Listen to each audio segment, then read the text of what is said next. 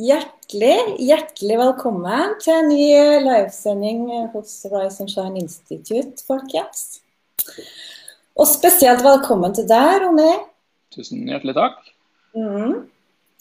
Jeg har jo ført deg en stund på Instagram, faktisk. Mm. Ja. Og så har jeg lagt merke til deg og til måten du kommuniserer på, og arbeidet Eh, fordi at jeg syns at du er en gründer med veldig høy integritet.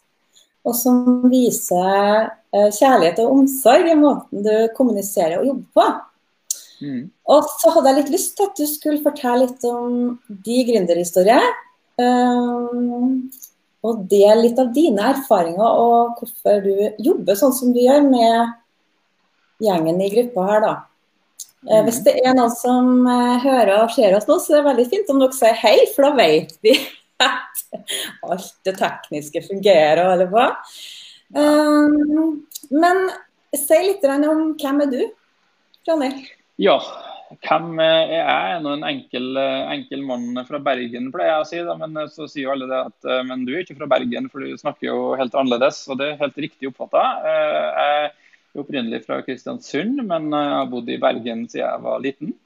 Eh, og eh, begynte vel egentlig veldig tidlig. Jeg var seks år når jeg kom inn på treningsfeltet og sa at jeg skulle bli profesjonell fotballspiller. Eh, og det var vel egentlig der det starta for meg med å være veldig beslutt, besluttsom i forhold til eh, hva jeg ønsker å oppnå med livet mitt. Um, så jeg, lang historie kort, så klarte jeg å oppnå det. Jeg har uh, spilt i uh, noen gode klubber, også hatt en liten tur til utlandet og, og fått prøvd meg der. Uh, og ja, la den opp da, dessverre pga. skade, som er på en måte unnskyld, unnskyldninga til alle. Da, vet du, sant? Det er jo skaden, da, vet du, kneet. Uh, så det var faktisk kneet som gjorde at jeg måtte legge opp. og da var jeg i midten av 20-årene og sto litt, på bar, sto litt på bar bakke. Eh, mm. Men så har jeg vært eh, kanskje både god og heldig. Jeg har eh, jobba veldig annerledes helt fra, på en måte helt fra starten av. Og landa en jobb i Olav Thon-gruppen som det første seriøse som jeg, som jeg, klarte å skaffe meg. og Det er jeg litt stolt over. fordi at Prosessen mm. bak hvordan jeg klarte å lande den jobben var litt spesiell. Men uh, ut ifra det da, så har jeg fått veldig mye corporate utdannelse. Jeg har jobba i to av Norges største selskap og fått veldig mye bra opplæring der. Men så uh, har jeg vel egentlig sånn sett fått uh, den aller verste lærdommen i siste selskapet jeg jobba i, som også var et gründerselskap, men det var ti år gammelt når jeg, når jeg starta. Så de hadde jo for så vidt kommet over kneika vel så det, de da, men der fikk jeg veldig mye lærdom. og historien etter det. Et lite gründerselskap som var før det jeg driver nå, da, som jeg har drevet i eh, ja, fem år nå i oktober. Så ja, det har nå, ah. gått slag i slag. Mm. Eh, så du er på din andre etablering nå? Yes, eh, jeg fikk tilbud etter det jeg snakka om nå nettopp, med det selskapet som jeg føler jeg har fått veldig god utdannelse i. Der fikk jeg tilbud om å gründe. Jeg hadde en liten eierandel bare, men jeg fikk tilbud om å, å bygge opp et kaffeselskap. Eh, og jeg synes det hørtes veldig attraktivt ut. og eh, Det passa egentlig veldig bra i forhold til eh, det som skjedde internt i den andre jobben. og sånt også, Så hadde jeg nok begynt å, å se meg litt rundt. Det ble ikke helt sånn som jeg hadde ønska at det skulle bli. Og da var det veldig godt tima. Så da var det et lite kaffeselskap som vi hadde en litt avtale på at jeg skulle prøve å bygge opp. da, og Så gjorde jeg det. Eh, og så vil tilfeldighetene bare ha det til at jeg sitter med det selskapet jeg sitter med nå. Da. Mm. Spennende. Så da tok du med deg en del av læringa fra den første til neste? Ja. Der har jeg vært veldig tydelig på hele veien at uh, du må ja, Hvis du har litt ambisjoner og du har lyst, lyst til å oppnå noen ting, så må du være veldig fokusert og tydelig på at uh, alle prosesser du går gjennom, om de er positive eller negative, de har en viss læring med seg. Så um, Det har jeg eh, vært, vært, veldig klar på fra egentlig første spadetak. Så har jeg mm. dratt til meg alle de erfaringene som jeg har gjort med det. Mm. Kjempespennende, for nå sitter vi her med en seriegründer, folkens. Ja, jeg ser faktisk at det er folk på som er i den kategorien òg. Det er noen førstegangsgründere, og det er noen eh, som har i gang med andre eller tredje etablering mm. her. Mm.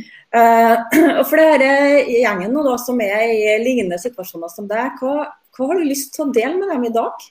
Fra, fra ditt hjerte, skulle jeg si. Nei, altså, jeg, jeg, vil jo si det at jeg knakk jo på mange måter ikke gründerkoden før egentlig ganske nylig. og det var litt mm. sånn, eh, litt sånn pga. sykdom også. Jeg, jeg, fra det selskapet jeg gründa først, eh, var med og gründa først der, og mellom der så fikk jeg utmattelsessyndrom.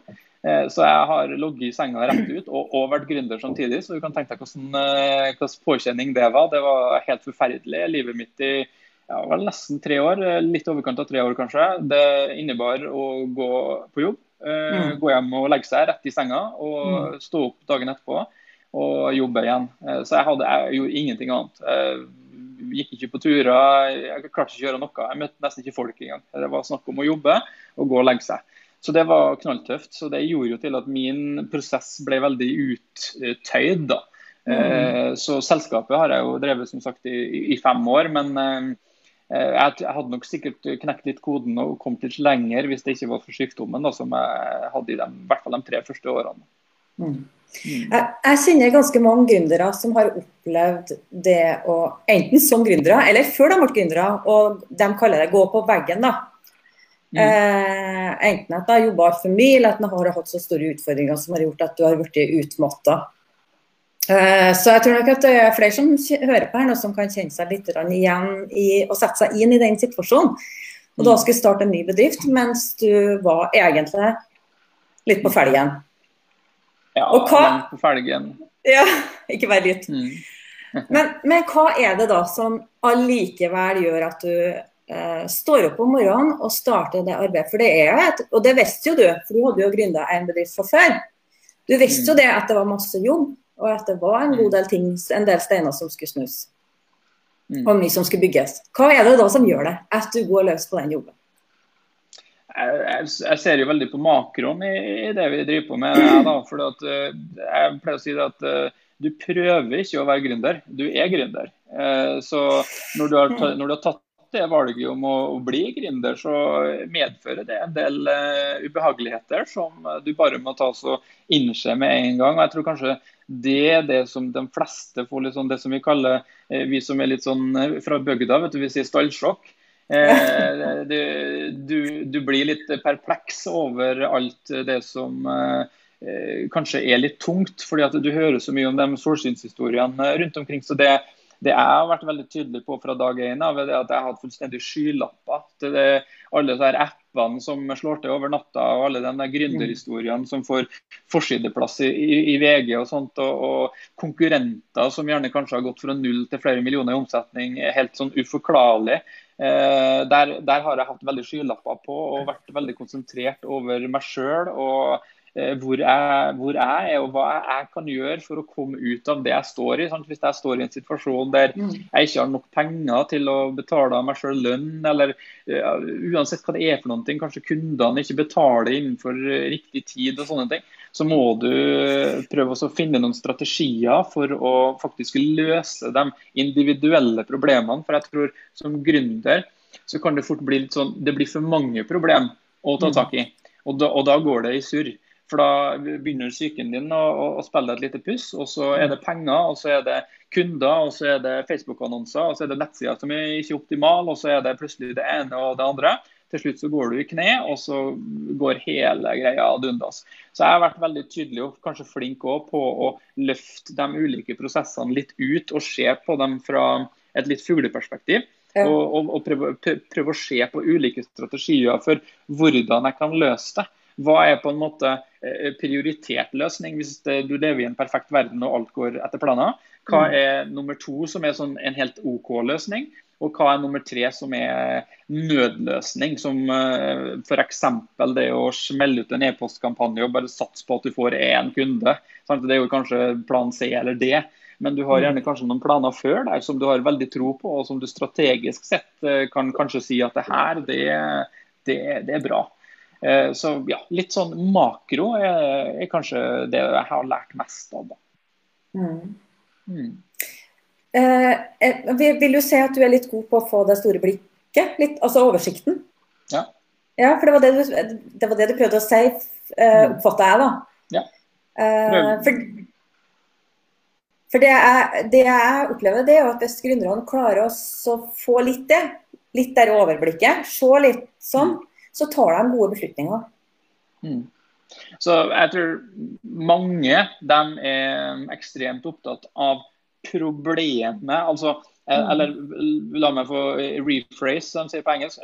Ikke, ikke problemet, kanskje, men eh, konsekvensen av problemet. Mm. De er ekstremt fokusert på konsekvensen av å ikke få inn kunder. Det er at du ikke får betalt husleie og strøm, og hvis du har unger, så, så, får du ikke betalt barnehage osv. Så, videre, så, så du, du, du, bruker nesten alle ledige ressurser på å behandle alle de negative tingene. Og jeg tror det at det er mm. umulig å klare å dra seg opp med å kun få negativ input når alt du tenker på er dommedag.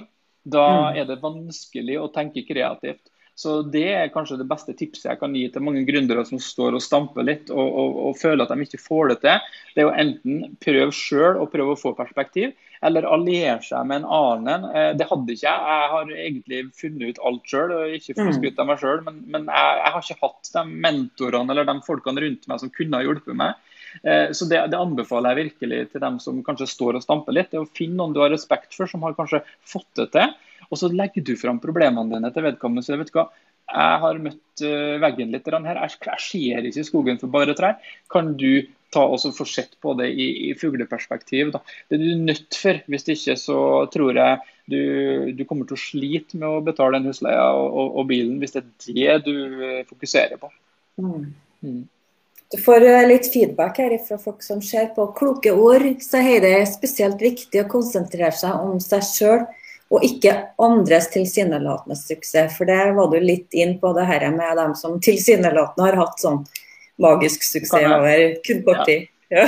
Ja, altså, for, å, for, å, liksom gi litt vekt til det svaret til, til, til henne, så, så, kan jeg dra en ly, lynrask historie om uh, et selskap i Oslo som jeg i utgangspunktet hadde ekstremt stor respekt for. og jeg vil faktisk si det at Han som drev det selskapet var et lite forbilde for meg også i, i en uh, kortere periode.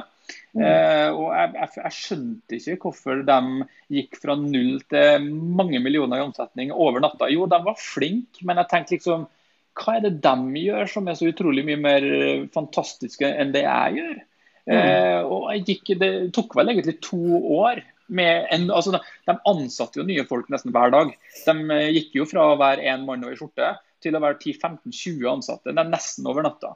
Mm. Eh, og så, så, tenkte jeg på det. så tenkte jeg liksom, Hvordan går det an? For det, det, det, bare funker ikke sånn for meg. og det er Greit nok Oslo er stort, og alt det greiene der, men Bergen er jo ikke så gale, det heller, tenkte jeg. Og så kom jeg tilfeldigvis, så satt jeg på en, uh, møtte jeg noen, noen, forretningsforbindelser som kommer fra Oslo. Uh, og så møtte jeg dem for en, for en, liten øl nede i byen. Jeg drakk ikke øl, men jeg drakk noe brus, da, men de drakk øl. Uh, og så nevner jeg dem, da, så sier jeg at jeg er så imponert over den veksten de har hatt. og Det er jo helt eksplosivt. Jeg skjønner ikke hvordan det går an. og sånne ting. Så, og så sier han det, han, han ene til, og så sier ja, men han, han er jo en kompis av meg. sånn. Å ja, er det det, sa jeg. Ja, nei, superrespekt for den. Og så sier jeg ja, jo. Men eh, det, det, det, han ikke snakker så høyt om, det var jo det at han, han dro med seg en, en konsulentavtale på over tre millioner inn i selskapet når han starta selskapet. Så han hadde tre millioner i, i, i ferske cash mm. uten, uten kostnad eh, når han starta selskapet. Og, og, da tenker jeg at Hvis du er litt oppegående gründer og har litt peiling og drar med deg en av de norske, største norske selskapene som betaler deg tre mill. i året for å være konsulent, og du drar med det inn i det nye selskapet ditt, da skal det jo være mulig å ha en, en OK vekst. Og Da satte jeg litt sånn ting i perspektiv for min del. for jeg, jeg hadde ikke krone når jeg starta. Jeg hadde, ikke, jeg hadde, ikke, spart opp noe som helst, og jeg hadde aksjekapital og, og sånt, men hadde, hadde, ingen penger. Så det som vi skapte, var jo ut av det vi omsatte. Eh, og Da satte jeg plutselig ting i litt perspektiv. og For dem som lytter på, så kan den historien der være en litt sånn motivasjon for deg hvis du driver og så Google-søker og, og, er på proff.no og ser på omsetninga til folk og jeg skjønner ikke hvorfor de omsette så mye. og sånn, Så kan det fort være det som er forklaringa. Altså. Det er omstendigheter som du ikke vet om, som gjør til at de er der, der du er i dag. Derfor så er det så viktig å ikke fokusere på den som er over hekken, men uh, fokusere på dine ting. Mm. Veldig bra. Mm. Se, se, litt om det firmaet du driver i dag. Ja, eh, vi eh, har jo Jeg hadde jo egentlig sånn sett min ultimate drøm, da, som jeg driver og jobber med. Vi har jo, vi har jo laget en del dokumentarer og en del reklamefilmer. Vi har jobba med alt fra Hansa Borg til uh, jeg så det. Ja, til, til Brann. Og vi har jobba med Trekk, som er, vel muligens den største produsenten av uh, sykler i verden. Så mm. vi, har, vi, har, levert en del uh, til store navn i forhold til video. og Det er det som er den ultimate drømmen min, da, å få uh, jobba opp det. Men uh, per i dag så er vi et uh, mediehus som vi styrer da, markedsføring og content creation, innholdsproduksjon, for bedrifter. Så til oss så kan du komme med på en måte hele spekteret. Vi kan ta for oss hele pakken. Mm. Eh, men vi kan også gjøre eh, utvalgte oppgaver. Da. Eh, kan vi gjøre. Men vi er det som du kan kalle et mediehus. Vi, vi har alt under ett og samme tak. Ja. Mm. Og eh, Jeg har litt lyst til at du skal snakke litt mer om det. Men mm. først så må jeg bare gi deg enda en tilbakemelding. Da, fordi at ja. det er flere som sier det at dette var en viktig historie, det du forteller. ikke sant? Mm. Det å få fram sannheten, hva som ligger bak tilsynelatende suksessene. Mm. Og, og de som sier det at det er flere, flere burde fortelle de her historiene. Og Det er en ting jeg er litt opptatt av. fordi at jeg ser at en del gründere uten grunn mister litt motet. Fordi mm. at det er en bransjekollega som har liksom klart alt på et eller annet magisk vis. Og så mister de litt trua på seg sjøl. Det gjelder kanskje spesielt førstegangsgründere som, som ikke mm. vet men de blir usikre på seg sjøl. Så jeg syns det er kjempefint at du er med og og tar fram en del sånn sannhetens øyeblikk. da. Ja, og det, er, det, det, som, eh, ja, det er viktig, viktig. Ja, det er det. Det er kjempeviktig. Uh, og jeg vet at du er litt opptatt av det, og jeg er veldig opptatt av det sjøl. Det er med litt mer ærlighet i business, fordi at det hjelper egentlig alle. Hvis du sjekker Instagram-kontoen min, så, så, er jeg veldig transparent. Og det kan jeg være i denne samtalen her også. Jeg, jeg er veldig transparent i forhold til både eh, meg sjøl. Jeg har hatt mine utfordringer eh, privat, jeg også, sant? Med, mm. med, med, opp- og nedturer og sånne ting. og jeg er veldig opptatt av å, av å være ærlig. Da, for jeg, jeg, føler at vi lever i en tid der vi er litt lei av photoshoppa eh, perfekte historier, og at alt mm. liksom skal være på forsida av, av, VG og sånne ting. Det er, det er, det er en utopi som mindre enn 1 står for. Så Hvorfor skal det da utgjøre egentlig realiteten til resten av de 99% av gründerne som ikke får det til på samme nivå? da? Eh, så da, da trenger vi litt sånn ekte, ekte historier. Ja. ja, jeg er veldig, veldig enig. Um, du får et spørsmål her, Anne, noen som hjelper meg med å intervjue deg. Hva, hva, fikk deg til å starte med nettopp det du gjør? Hva er det som ligger bak? Å, det er et fantastisk spørsmål. Tusen hjertelig takk til den som stilte. Eh, fordi det er, en, det, er en, historie bak det, og jeg tror det er en historie som mange gründere kan kjenne seg litt igjen i. Mm. Eh, det, det, selskapet som jeg, som jeg nevnte i sted, som var det siste selskapet som jeg jobba i før jeg ble gründer, ja. Der eh, var jeg sett på som eh, en å satse på. Eh, jeg var vel en, den eneste nesten som var med i, sammen med direktør og øvrig ledelse med alt som skulle avgjøres. Jeg ble sendt rundt på messer i utlandet, og jeg var alltid involvert i veldig mye. Jeg mm. fikk også etter hvert fungerende avdelingslederansvar her i Bergen, så jeg styrte liksom produksjon og hadde veldig mye av det administrative. Ehm, og så, eh, med et pennestrek, så beslutta de at all ledelse skulle ligge i Oslo. Eh, og da hadde jo ikke jeg noen fremtid. Sant? For at jeg hadde vært selger, jeg har vært eiendomsmegler, jeg har vært selger, jeg har liksom gjort salgsbiten. Og jeg ville ta det et steg videre, så jeg ville bli leder. Jeg. Eh, mm. og da, I det selskapet som jeg elska, så tok de bare og sletta det. Og så sier de at OK, du kan fortsette hos oss, men da blir det en salgsfunksjon, for alle mm. eh, sjefer skal sitte i Oslo. Og det var, det var, tungt for meg. så Det var der jeg snakka om den timinga i sted, med at jeg fikk det tilbudet som var rent pengemessig. Husk på at jeg hadde tatt opp til millionen i, i, i lønn. Eh, og da, du, og, det, og da, når du, kommer til meg med et gründerselskap som ikke på papiret har en eneste krone, og den fastlønna du får, den er til å flire av, så kan du tenke deg at eh, da skal du være ganske motivert for å hoppe uti noe sånt. Eh, og jeg følte at eh, det var den riktige veien for meg å gå. da. Så jeg sa, sa fra meg det, eh, og, og, gikk da videre til um, gründerverden. Så, så, for meg så var det det der med å bli avkorta og ikke få lov til å utfolde meg og utvikle meg i det selskapet som jeg trodde at jeg skulle, skulle til å få. Det fikk jeg ikke. Så Det er historien bak hvorfor jeg valgte å bare trå ut og si det, vet du hva, det her kan jeg klare sjøl. Jeg vil skape en arbeidsplass som, som, gjør til at dem som er hos meg, de får realisert seg sjøl. Ja, ja. ja, det er viktig. Så der eh, er historien bak det. De er veldig heldige de som jobber hos deg, i at du fikk den erfaringa der. fordi da er du veldig obs på hva, hva hvert fall ikke du skal gjenta som deres mm. sjef. Mm. Nei, altså, jeg, jeg, vi, vi, har jo våres, på en måte, sant? Vi er jo et mediehus, så vi må jo, vi må jo holde det innenfor det vi driver med. Men på avdelingene og sånn, så eh, har jeg veldig tiltro til eh, dem som jobber sammen med meg. og Eh, de får lov til å ta sine hjertebarn som de får lyst til å jobbe med, som de har lyst til å utvikle. Hvis de har lyst til å gå i en retning hos meg, så har de eh, fullstendig eh, carte blanche i forhold til det.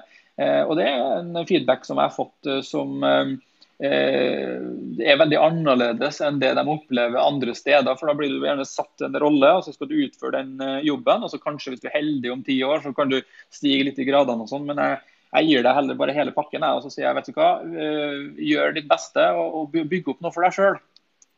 Det er personlig merkevarebygging vi driver med. Eh, logoen min spiller ingen rolle. Det er, det er, menneskene bak som spiller noen rolle. og Da må du gi dem muligheten til å utfolde seg. Mm. Mm. Ja, nå er vi inne på det jeg har litt lyst til at du skal snakke enda mer om. fordi at ja. Det jeg har sett, da, det er at du er en, eh, du er en ledestjerne, blant flere selvfølgelig på det her med moderne markedsføring. Og det er klart Når du driver et mediehus, så er jo det bra. Ja. uh, og jeg vil at du skal dele litt det med gründerne som eh, skjer på nå. Fordi at der er det mange som leter litt, og markedsføringsfeltet har endra seg radikalt de mm. siste årene. Mm. Uh, og der ser jeg at du har forstått en del ting som Du har vært inne på flere ting allerede. som ikke alle har forstått ennå, og som er viktig for å mm. lykkes med business i dag. Og som er viktig for å på en måte jobbe med det jeg kaller integritet. Da. Mm.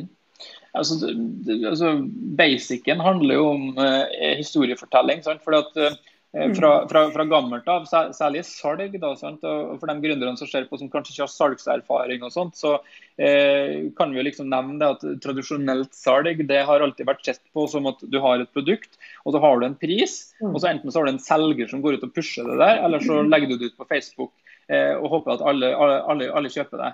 Ehm, men så har miljøet endra seg litt. Altså, man har statistikker i dag som sier at over 80% av alle eh, kunder, uansett om det er bedrift eller om det er privatperson, de vil ha mer personlig eh, markedsføring og mm. merkevarebygging.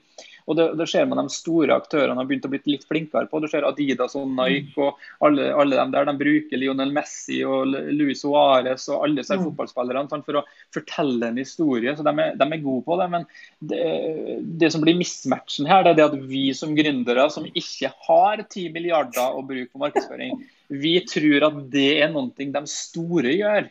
Og så mm. tenker vi det at ja, vi må fortsette med salg, for det, er det som genererer kunder.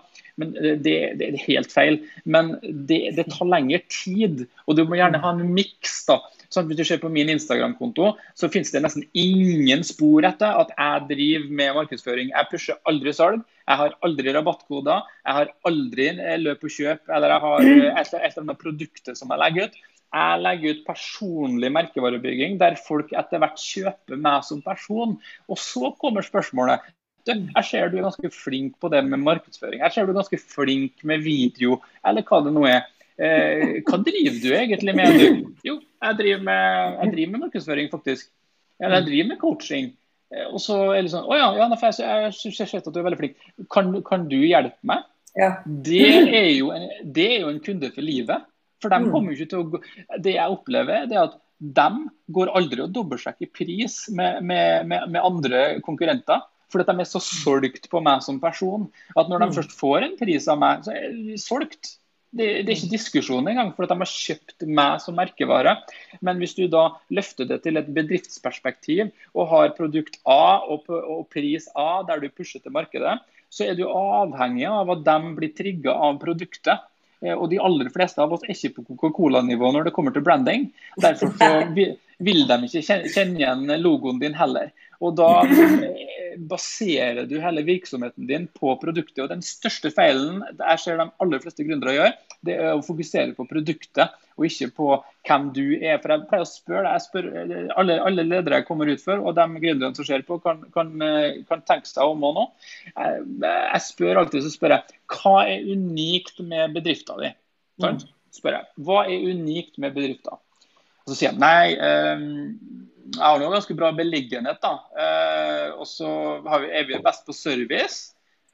Og så har vi veldig gode priser. For vi, vi, vi, vi har tilbud og sånn, så vi har veldig gode priser. Og så tenker jeg at ingenting av det du har sagt er unikt. Mm. Fordi at hvis du legger ut et produkt, la oss si du er en webdesigner, da, så legger du ut en, en pakkepris på, på, nettside.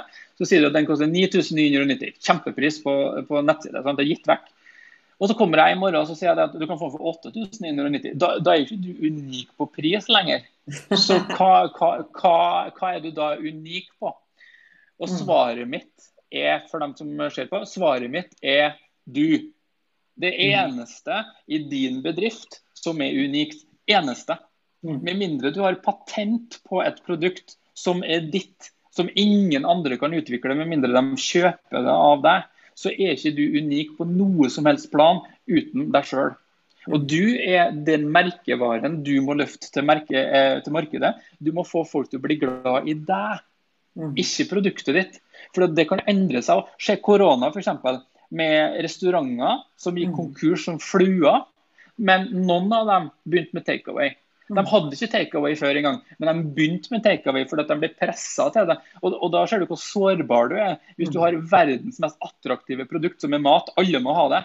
Mm. Så, så, så liksom, selv om du har det, så kan, eh, kan, markedet endre seg. Så hvis du ikke er unik på historien din, og at du går til den restauranten på tross av, eller uansett med korona eller finanskrise Hvis de ikke går til deg fordi at du er du, så er du, du, du, er, du er ille ute, altså. Så du, så du må bygge opp noe eh, eh rundt, rundt, deg sjøl som gründer. Det er du som er produktet.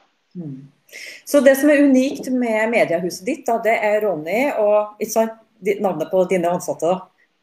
Ja. Det, det, er det som er unikt? Folk, folk, folkene bak, den, den, kompetansen. Jeg har en, en god venn av meg, han er partner i et veldig stort uh, selskap.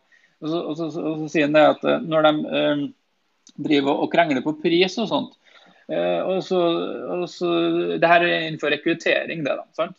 Og så sier han nei, jeg har for mye med, med 100 000 på rekruttering. Ja, du bruker jo bare så og så mange timer på det. Og så sier han at men jeg har utdannet meg sjøl i 30 år jeg, for å kunne gi deg de beste kandidatene. Jeg har nettverket som jeg har brukt 30 år på å bygge opp.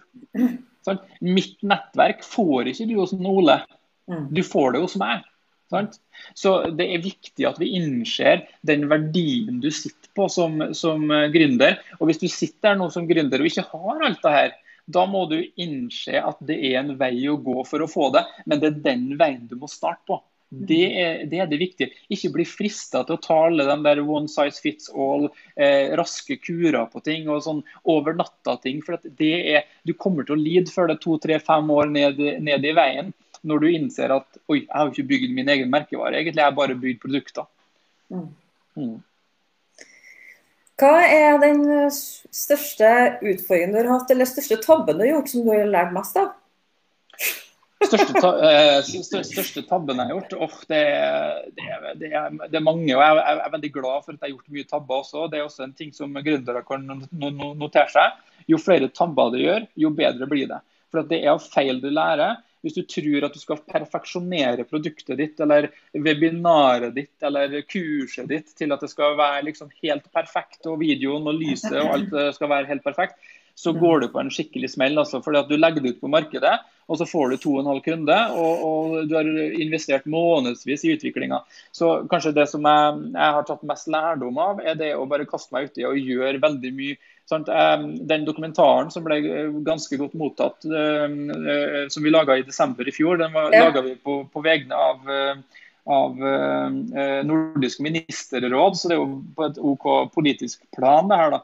Jeg har aldri vært regissør før. Så jeg studerte i, i, i, tre uker. Hva, hva, hva, hva, gjør en regissør egentlig? Hva, hva, skal jeg gjøre?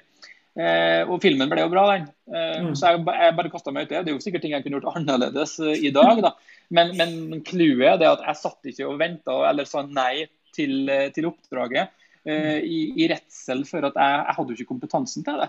Sånn? Mm. Da skaffa jeg meg den kompetansen. Så kasta jeg uti det er en, en, av de tingene. Og jeg tror den største tabben jeg har gjort, eh, uten konkurranse til noe annet, det er det at jeg har brukt eh, 34 år på å skjønne at det er som er merkevaren. Ja.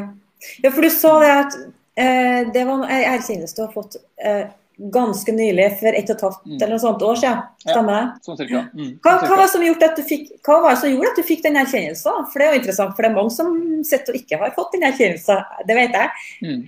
Mm.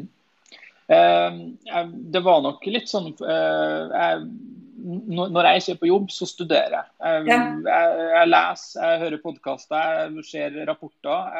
Jeg ser på veldig mye som jeg kanskje ikke tror at jeg har bruk for, men som viser seg om et halvt år jeg kommer til å få bruk for likevel. Eh, så det det handler om, er egentlig at jeg studerte veldig mye trender. Jeg så masse mm. rapporter fra bl.a. Nilsen, som er verdens største analysebyrå, som har veldig mange fine analyser. Eh, så jeg, jeg så på en måte hvor, hvor, vi var på vei hen i forhold til bedrift. da at logo og bedrift og, og rykte til bedrifter og sånt, det er liksom på vei til å bli vanna ut. og Vi ser i hvert fall med den digitale verden som vi lever i nå, så blir Nike de bestilt ved siden av Snike. Sant? Fordi at det, liksom, det, er, det er likt konkurransegrunnlag. Før var det ikke det. Mm. Da, da, var Nike brukt flere hundre millioner fordi at de kunne det, og de bare oversvømte markedet. Men i mm. dag så kan jeg faktisk i praksis så kan jeg gå i strupen på Nike og, mm. og, og, og heter Snike. Og, og, lage, meg meg en sko som heter Snike, og gå i strupen på dem. Og, den muligheten den mm. gjør til at jeg innså etter hvert at hvis jeg skal klare å ta Nike, som jeg ikke har noe problem De kan gjerne bli kunden min, men jeg har ikke lyst til å ta dem. Eh, så de kan gjerne bli kunden min, men, men, men hvis jeg hadde vært konkurranse med Nike da, og jeg har lyst til å ta dem, så må jeg finne en måte som jeg kan overgå de 200 millionene på. Og da er mm. det Eh, den personlige delen av det da, som krystalliserte seg for meg som definitivt den, den veien å gå. Mm. Mm. Flere tilbakemeldinger. Heidi er litt samme bransje som deg. Så hun, eh, ja. hun, blir engasjert og herlig å høre. Vi deler verdier. Så bra. Og jeg er veldig enig med deg på det. Takk for spennende. Mm. Så bra. Uh, um, hva er dine verdier, da? Mine, mine, verdier? Ja, jeg er veldig nysgjerrig. Ja. Sikkert flere her òg. Ja. Mine, mine, verdier er eh, veldig enkle som de er avansert. De er basert på kjærlighet. Eh, det er en mm. ting jeg setter veldig, veldig, veldig, veldig høyt. Det er det personlige i det. og eh, Vi snakka litt sånn off kamera om det i, i går også. at For meg så er ikke den den omsorgen jeg har for mennesker, den omsorgen jeg har for dem rundt meg, det, det er ikke, det ikke knytta opp imot en, en salgspitch. Jeg er ikke på jakt etter å få, få, salg når jeg går ut på Instagram og deler hemmelighetene mine. Eller jeg skriver bøker, og jeg har skrevet tre bøker, og jeg gir dem ut gratis. Eh, jeg tar ikke noe penger for dem. og, og det liksom gjennomsyrer alt jeg står for. Da, at når jeg har tatt et, et, løfte om at dem som kommer bak meg i køa, dem, dem, skal få lov til å lære det jeg har lært.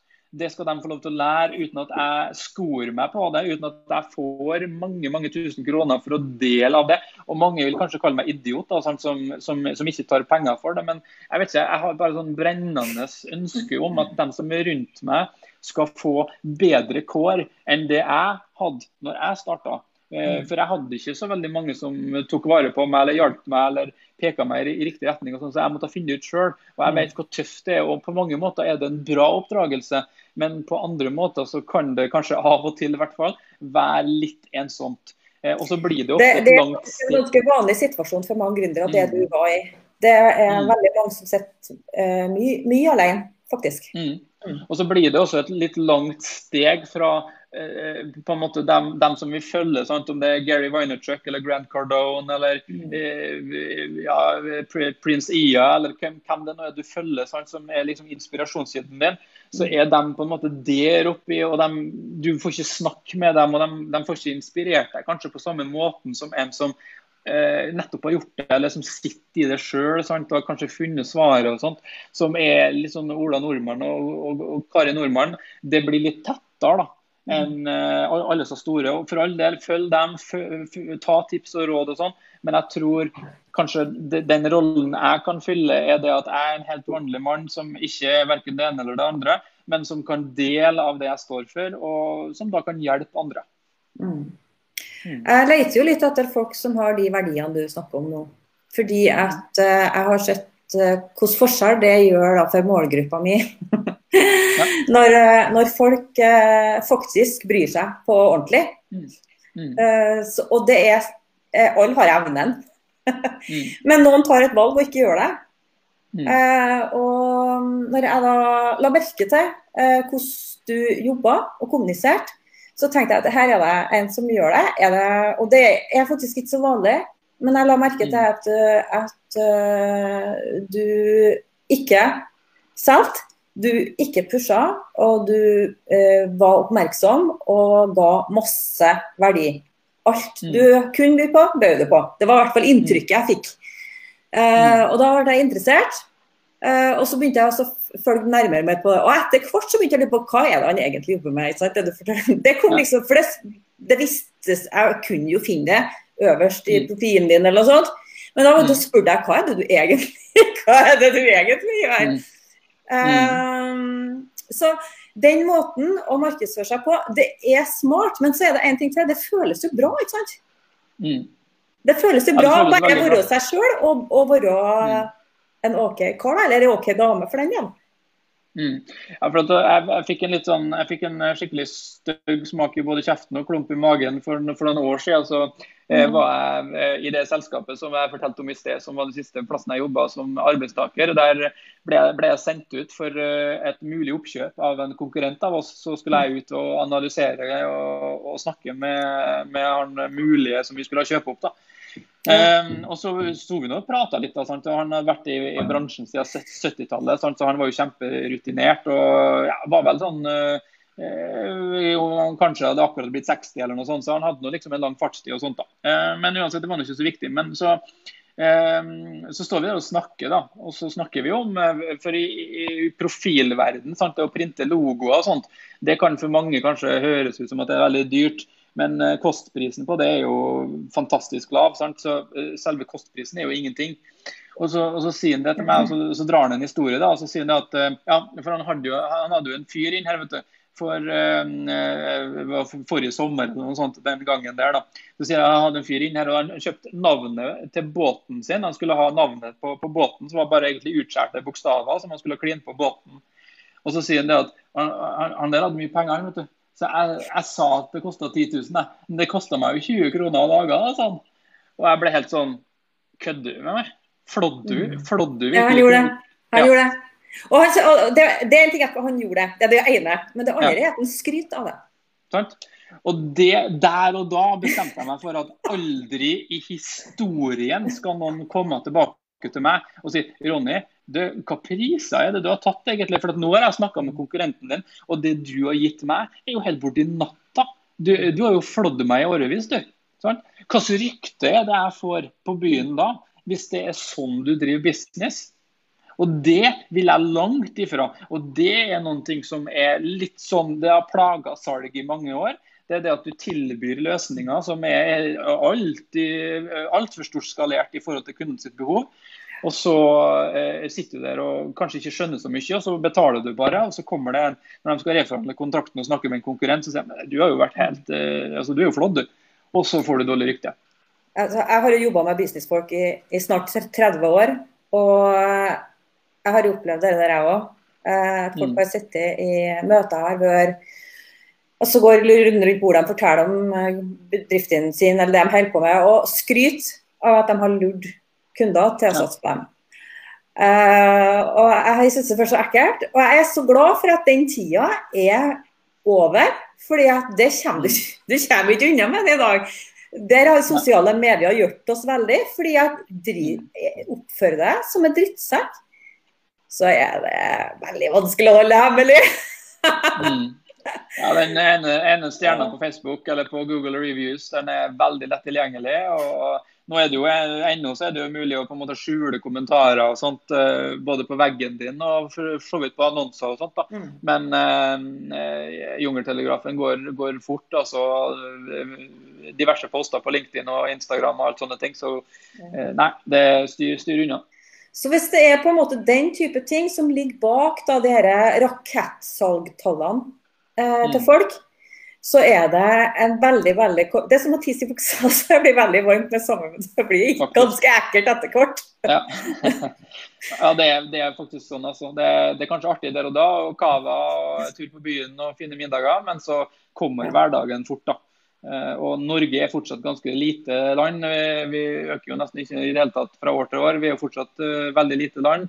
Uh, og Trondheim, Bergen, Snåsa, eller uansett hvor du er, så, så, så, er det veldig lite. Altså. Så når du begynner sånn virksomhet som det der, så går, går ryktet fort. Og da kan det være vanskelig å komme seg inn igjen. Mm. Mm. Så den misforståelsen der, at det, er, er, det å drive business er på en måte å drive litt sånn lurendreier, den, den kan vi legge død her. Vi legger en død, i hvert fall. og Hvis du er en av dem som ønsker å ha vekst på sikt. og Det, og det er kanskje viktig også påpeke det også, for det er, det er veldig fristende å gjøre det. fordi det ligger mye penger i det. Det ligger mye penger i de raske løsningene. De eh, tingene, de geriljataktikkene som er ute der, så ligger det mye raske penger. Jeg har forståelse for at mange gründere da kan tenke sånn ja, men jeg må ha penger. Jeg, jeg må bare omsette noen ting.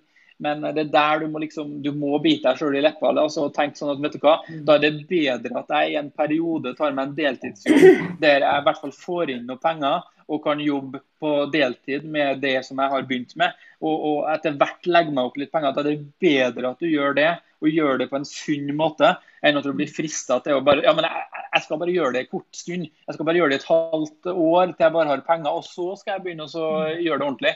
Eh, det funker ikke sånn. altså. Da har du allerede ødelagt og forsarva mye av det. Så det kan være vanskelig å snu seg. Kanskje du til og med har, har eh, eh, brent mange bruer med mm. gjort det på den måten. Så det er fristende, men jeg anbefaler gründere om å tenke seg to ganger. Og heller da løfte ned et nivå på ambisjon eh, for å få gjennomført det på en, på en god, god branding-plattform. Eh, for Det jeg og Ronny ønsker nå, folkens, det er å støtte alle dere som på en måte står i det og eh, byr på masse verdi og bryr dere på ordentlig om kundene og samarbeidspartnerne deres. Vi ønsker å støtte dere på det. fordi at Ikke bare føles det bra, men det er faktisk smart. Det er klok omdømmebygging og det er langsiktig strategi som vil gi dere eh, penger i kassa da, etter hvert. Ja. Og, og, pluss at det er, litt, det er jo litt triveligere og litt artigere. Og Det vet jeg veldig mange av mine kunder syns, men det å få litt sånn støtte på at det er faktisk òg det som er klokt, mm. det kan være litt greit. Mm. Jeg har jo lest ei av bøkene dine, Ronny. Jeg visste ikke at du hadde tre, så da, har jeg, da, har jeg, noe mer. Og, og, og jeg lurer litt på for nå vil det være noen som har litt lyst på mer. ikke sant? De har litt lyst til å finne, eh, finne mer fra deg. Uh, og Det er første gangen jeg har intervjua deg, derfor så er det en del der som ikke har møtt deg før, tipper jeg, i gruppa mi. Mm, mm, uh, og de kan jo følge deg på Instagram, så jeg kan legge ut uh, eller en annen link hva du ønsker de skal følge deg for. Og så lurer jeg òg på om jeg kanskje kan legge ut link til Du kan velge hvilken sjøl, en av bøkene dine. da. Jeg har vært veldig glad i den jeg har lest, mm. som kanskje er den siste, kan du si? Ja, altså jeg har jo eh, dem, jeg har en som er om eh, bruk av, av video i markedsføring, så den er nå for så vidt grei. men, det, ja, men de to som kanskje er veldig aktuelle for dem som ser på nå, og dem som ikke har fått anledning til å se på livesendinga, der så har jeg skrevet en bok om kunsten å bygge kjemi. Eh, der snakker jeg veldig mye om emosjonell kapital. For emosjonell mm. kapital er noe som jeg ser for meg som er litt sånn eh, virtuell eh, valuta, som gjør til at Sant? Når du investerer i eh, mennesker, når du er god på å snakke med mennesker og bygge kjemi over tid, så vil du etter hvert også bygge opp den emosjonelle kapitalen. Så I den boka så viser jeg deg litt om uh, både teknikker som du kan bruke, og, og, selvfølgelig da verdien av det. Så har jeg en annen bok som var veldig relevant nå under koronaepidemien, unnskyld, pandemien. Der uh, har jeg faktisk ganske omfattende både sjekkliste og eh, eh, tiltak som du kan gjøre hvis du da ble ramma av korona. Men den gjelder jo også i en eventuell finanskrise som kommer og sånne ting. Så der er det veldig konkrete yes. ting da, som du kan gå i gang og bare sjekkliste på. Hva er det viktig at jeg får kontroll over. Så Den kan være ganske relevant for mange, så vi kan legge link til begge bøkene hvis de ønsker det. Ja, eh, fantastisk. Jeg, jeg har lest den om kunsten å bygge kjemi. Mm. Eh, som handler veldig mye om det du har snakka en del om i dag, og det med langsiktighet. ikke sant? Det med å investere i relasjoner og sånt. Mm. Og som jeg tok veldig til hjertet mitt. da. Eh, som kanskje støtta meg litt i en del av de tingene jeg var opptatt av og brant for fra før. Men, mm. Eh, men, du har forklart veldig mye rundt det, og på, altså, sånn at jeg har øker forståelsen min av hvorfor det er viktig. Det som jeg på en måte kanskje har magefølelsen av fra før. Mm. Um, så den kan jeg jo anbefale, for jeg har ikke, jeg har ikke lest den. Mm. Uh, den andre hørtes så Så det setter jeg veldig stor pris på at du har lyst til å dele. Ja. Det ligger mye arbeid bak å skrive sånne bøker. Det ligger veldig mye arbeid bak det. og, og mm. jeg tenker det at uh, Hvis det kan hjelpe noen, og det er derfor jeg gir dem vekk gratis også. Uh, fordi mm. at uh, man sier jo kanskje gjerne det at prisen reflekterer verdien av, av, det du gir, men hvis jeg skal følge min ideologi om å hjelpe dem som kommer bak, bak meg, så er jeg litt forplikta også til å gjøre det jeg faktisk står og predikerer. Derfor så gir jeg denne. Mm. Mm. Så det finner dere under her, folkens. Eh, for dere som er live nå litt etter sendinga, når vi har fått eh, ordna det. Um, ja, det var en ting til jeg hadde litt lyst til å spørre deg om. Men før jeg gjør det, så har jeg litt lyst til å si er noen ting du har på hjertet som du har litt lyst til å dele med folk? Før jeg begynner å nærme meg litt sånn avslutning etter hvert. Jeg har holdt på mm. snart, snart en time. Ja. Nei, eh, det må en ting kanskje som eh, jeg ser mange eh, sliter litt med, det er det at de, eh, de har kanskje gjerne veldig mange mentorer. altså de, de mm. finner, Mange av dem er nevnt i sted, bl.a. Og, og kanskje mange andre også som er innenfor deres nisje igjen. Eh, og så, så, har de veldig mange bein å stå på. og Det, det spørs litt om hvor rutinert du er. fordi at Hvis du er en veldig rutinert person og veldig sånn reflektert overfor den informasjonen du tar inn, så kan det være greit å, å hente litt inspirasjon fra ulike eh, plasser. Men det jeg ser kanskje mange gjør litt feil, det er det mm. at de, de, de hopper sånn fra stein til stein. for at Mange av dem som er ute der, som er litt sånn inspiratorer, og sånt, de har veldig forskjellig måte å, å, å både selge på eller kommunisere på. og ja, Det er bare bunn og grunn veldig forskjellig. og Da kan du bli veldig forvirra. For da prøver du én ting, og så funka ikke det helt. Og så prøver du en ting til, og så funka ikke det helt. Så mitt beste tips til dem som ser på, er det at det er fint å finne inspirasjon, men finn gjerne kanskje én eller maksimum to som du har veldig tro på. Sant? Som, ja. som, er litt sånn Han eller hun har jeg kjøpt konseptet til. Hun tror jeg veldig på. Og så vil det være sånn at du vil gå i ulike nivåer. Så vedkommende som du bruker som mentor eller som inspirasjon i dag, er ikke nødvendigvis den samme mentoren som du bruker om ett, to, tre, fem år når du er i en annen situasjon. Mm. Eh, så, så, så, mentorer også vil utvikle seg litt. Så vær litt, sånn, vær litt påpasselig med hvem du lytter til. For ofte så mm. eh, har man eh, et kurs eller med en bok eller noe sånt man har lyst til å selge sånn egentlig. Og så er det mange teknikker her som kanskje ikke er så veldig veldig bra å følge. Så litt mer kritikk eh, føler jeg i hvert fall av det jeg ser rundt omkring på sosiale medier. og sånn, så litt, litt, mer kritisk i forhold til mentorer er vel et tips jeg kan altså, gi. Det er jo veldig mange som sier de har funnet opp kruttet, de har funnet løsningen på mm. det meste.